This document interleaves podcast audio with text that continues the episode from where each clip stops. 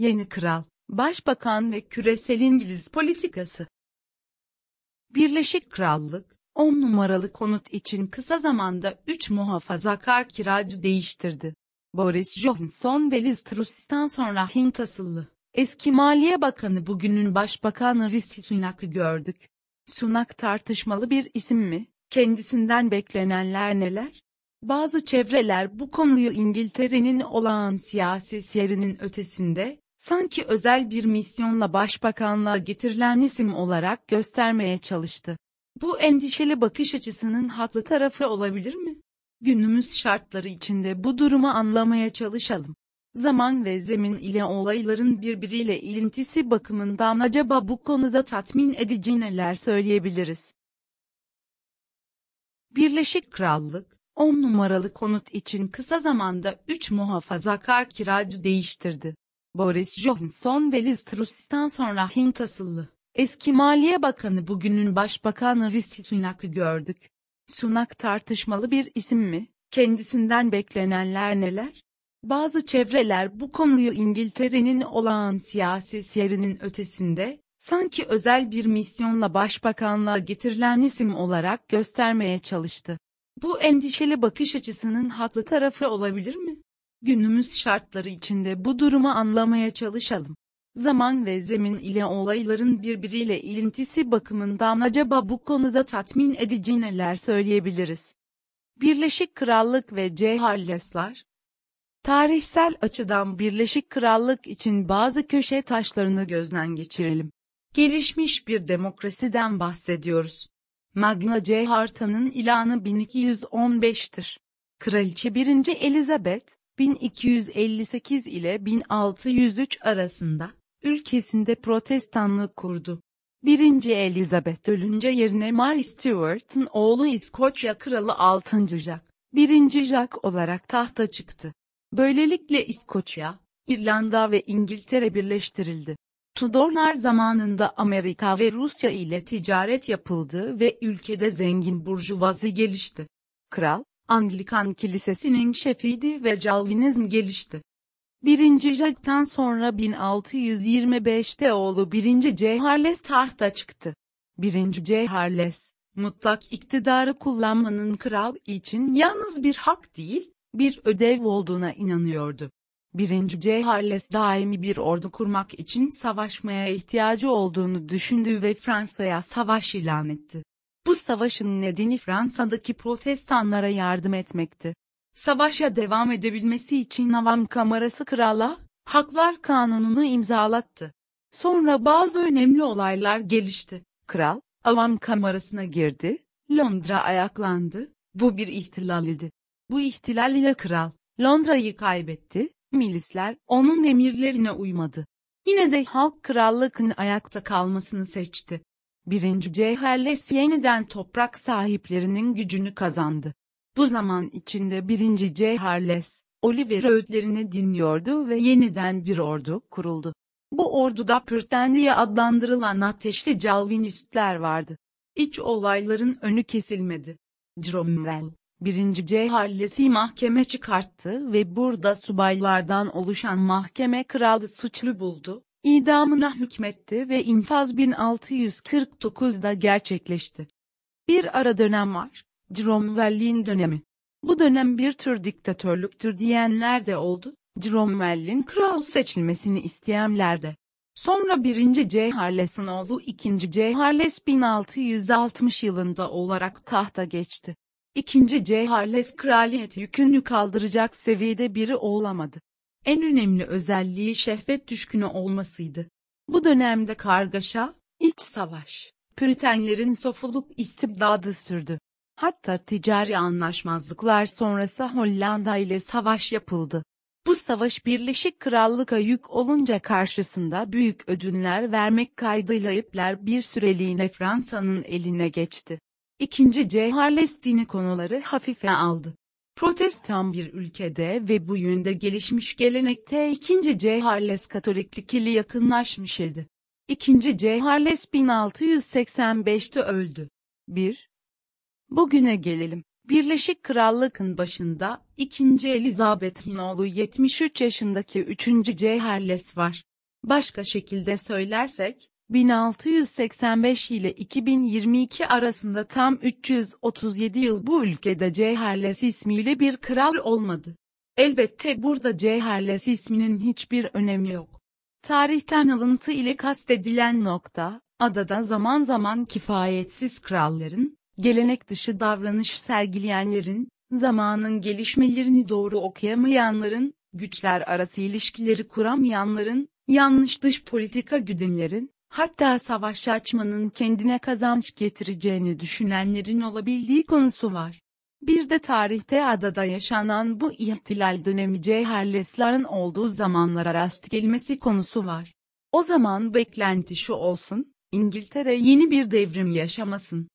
Ama şunu da işaret edip bu bölümü kapamak isterim, İngiltere demek çıkarların en üst seviyede ve sistemli bir biçimde ele alındığı demokratik bir ülke demek ise bu ülkede kral krallığını bilir. Başbakan kendi görevini, çünkü esas olan sivil toplumdur, partilerdir, sendikalardır, kameralardır, hiyerarşidir vesaire dahası bu yapıların ağda dışında dünyanın her yerinden ne olup bittiğiyle ilgilenen ve buna göre politika üretmeye güdülenmiş bilinçli bir elit yapı vardır. Küresel meseleler, yeni kral ve yeni başbakan.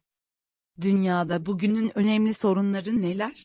Hem küresel hem de Birleşik Krallık'ın merkezde olduğu şekilde başlıklar halinde sıralayalım. İklim krizi, küresel ekonomik kriz, Covid-19, Ukrayna'daki savaş, Rusya ile başta istihbarat olmak üzere yaşanan güvenlik sorunları, Brexit sonrasında Birleşik Krallık atmosferi, Avrupa ile ilişkiler, Hint-Pasifik'te gerginlik, A.B.D.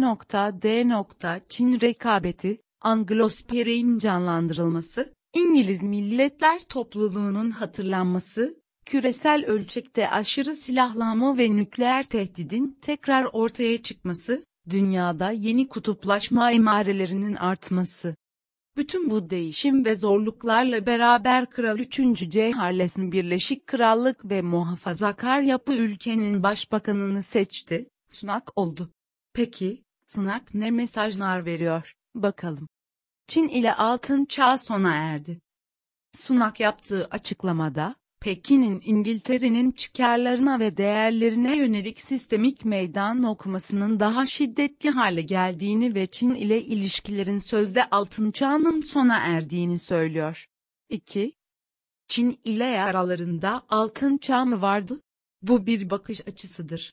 Başta Hong Kong olmak üzere uzak doğuda Birleşik Krallık'ın önemli bir kaynak oluşturduğunu ve sömürgeci olduğunu hatırlamamız gerekiyor. Bugün resmi adıyla Çin Halk Cumhuriyeti'nin Hong Kong Özel İdari Bölgesi, 7,5 milyon nüfusu ile Hong Kong, dünyanın en yoğun nüfuslu yerlerinden biridir. Hong Kong aynı zamanda büyük bir küresel finans merkezi ve dünyanın en gelişmiş şehirlerinden biridir. İngilizler buraya daha 1840'larda geldi.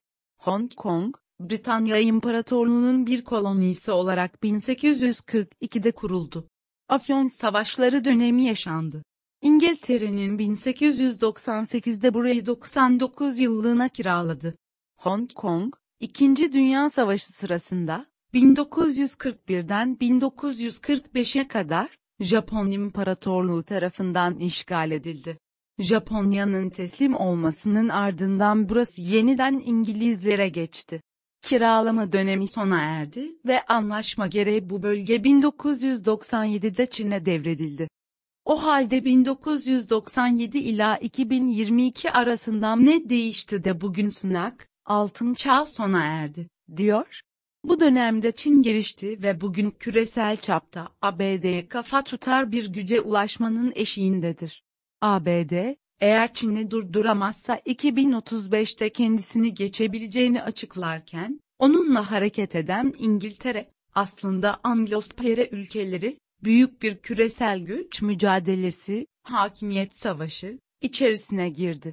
ABD'nin, Ulusal Güvenlik Stratejisi 2022'ye göre Çin'i düşman ilan ettiği bir dönemde, İngiltere'nin başında Kral 3. Charles ve Başbakan olarak tayin edilen Sunak var. Eğer 1842 ile 2022 arasında arası, aradan 4 yıllık Japon işgali dönemini çıkarabiliriz. Altın çağ ise sömürgecilik dönemi ve küreselleşmenin bugüne kadarki gelişimini birlikte okuyarak, burada yüksek bir İngiliz çıkarı döneminin varlığından söz etmemiz gerekmektedir.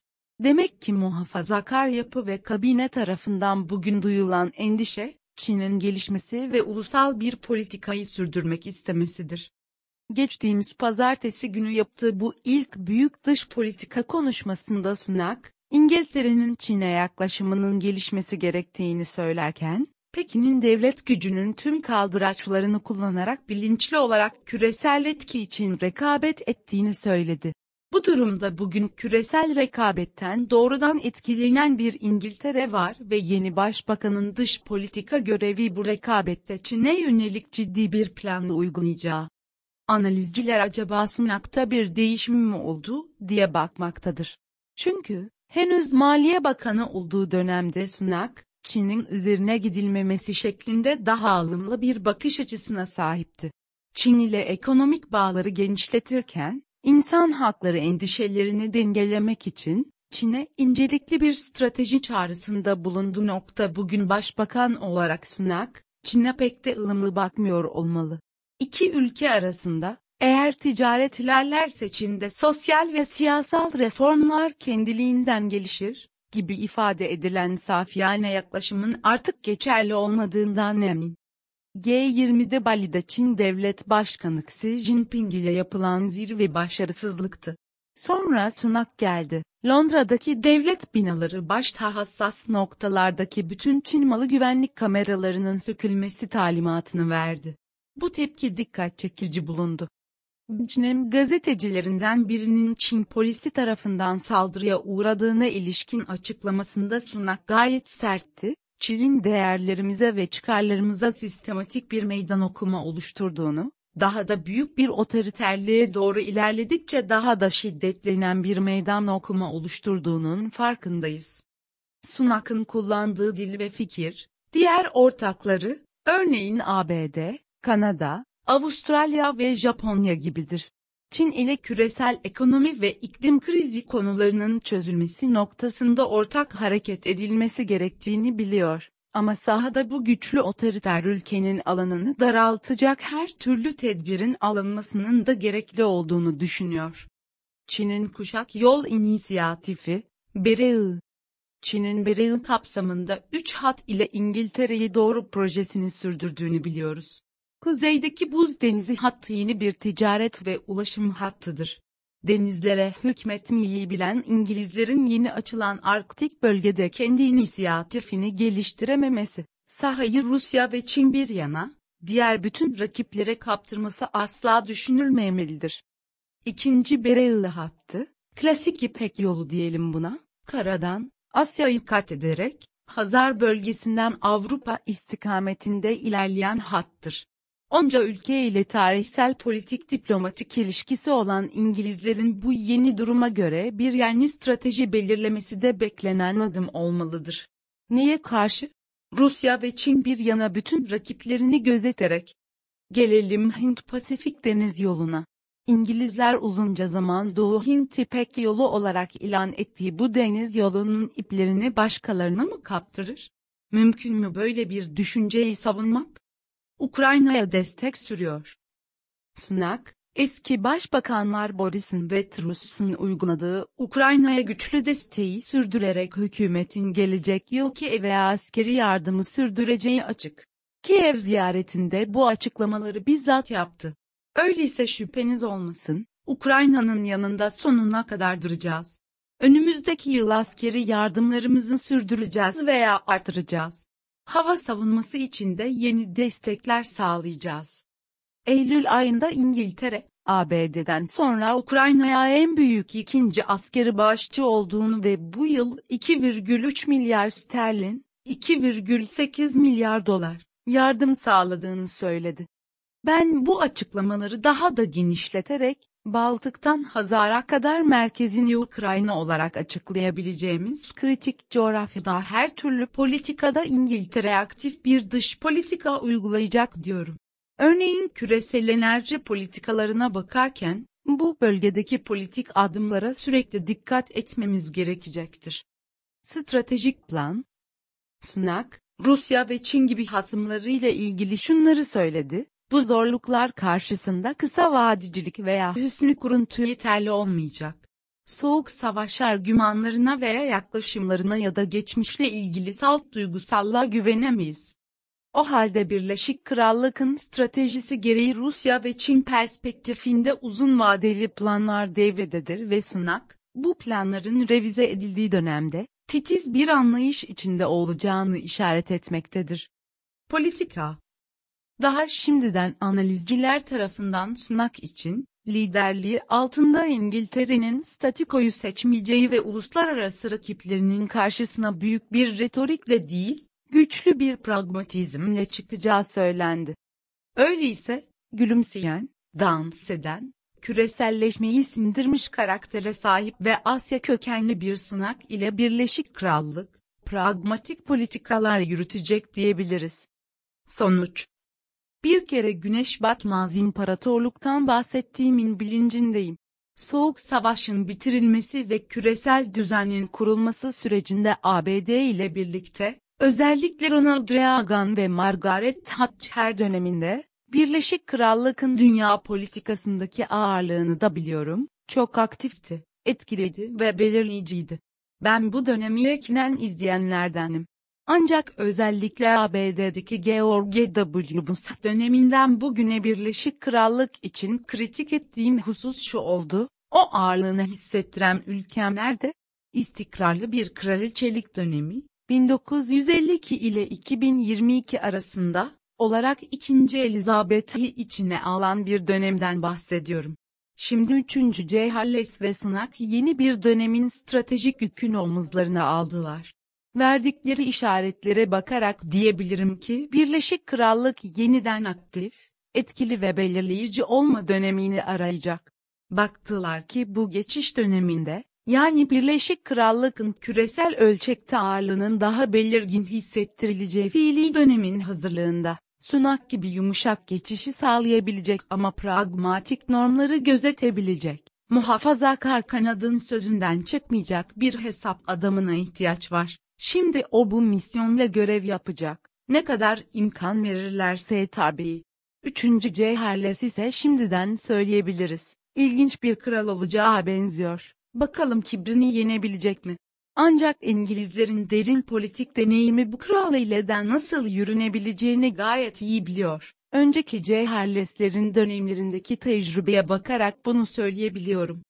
1. Gaetano Mosca, Siyasi Doktrinler Tarihi, Eski Çağdan Zamanımıza Kadar, Çev. Semih Tiryakioğlu, Bilge Kültür Sanat, 2019, İstanbul, sayfa 137-146. 2. İngiltere Başbakanı Sunak, İngiltere'nin Çin ile altın çağının sona erdiğini söyledi. Prime Minister Sunak Saysuke Golden Ravich Hina Isover, David Milliken, Reuters, 29 Kasım, Londra.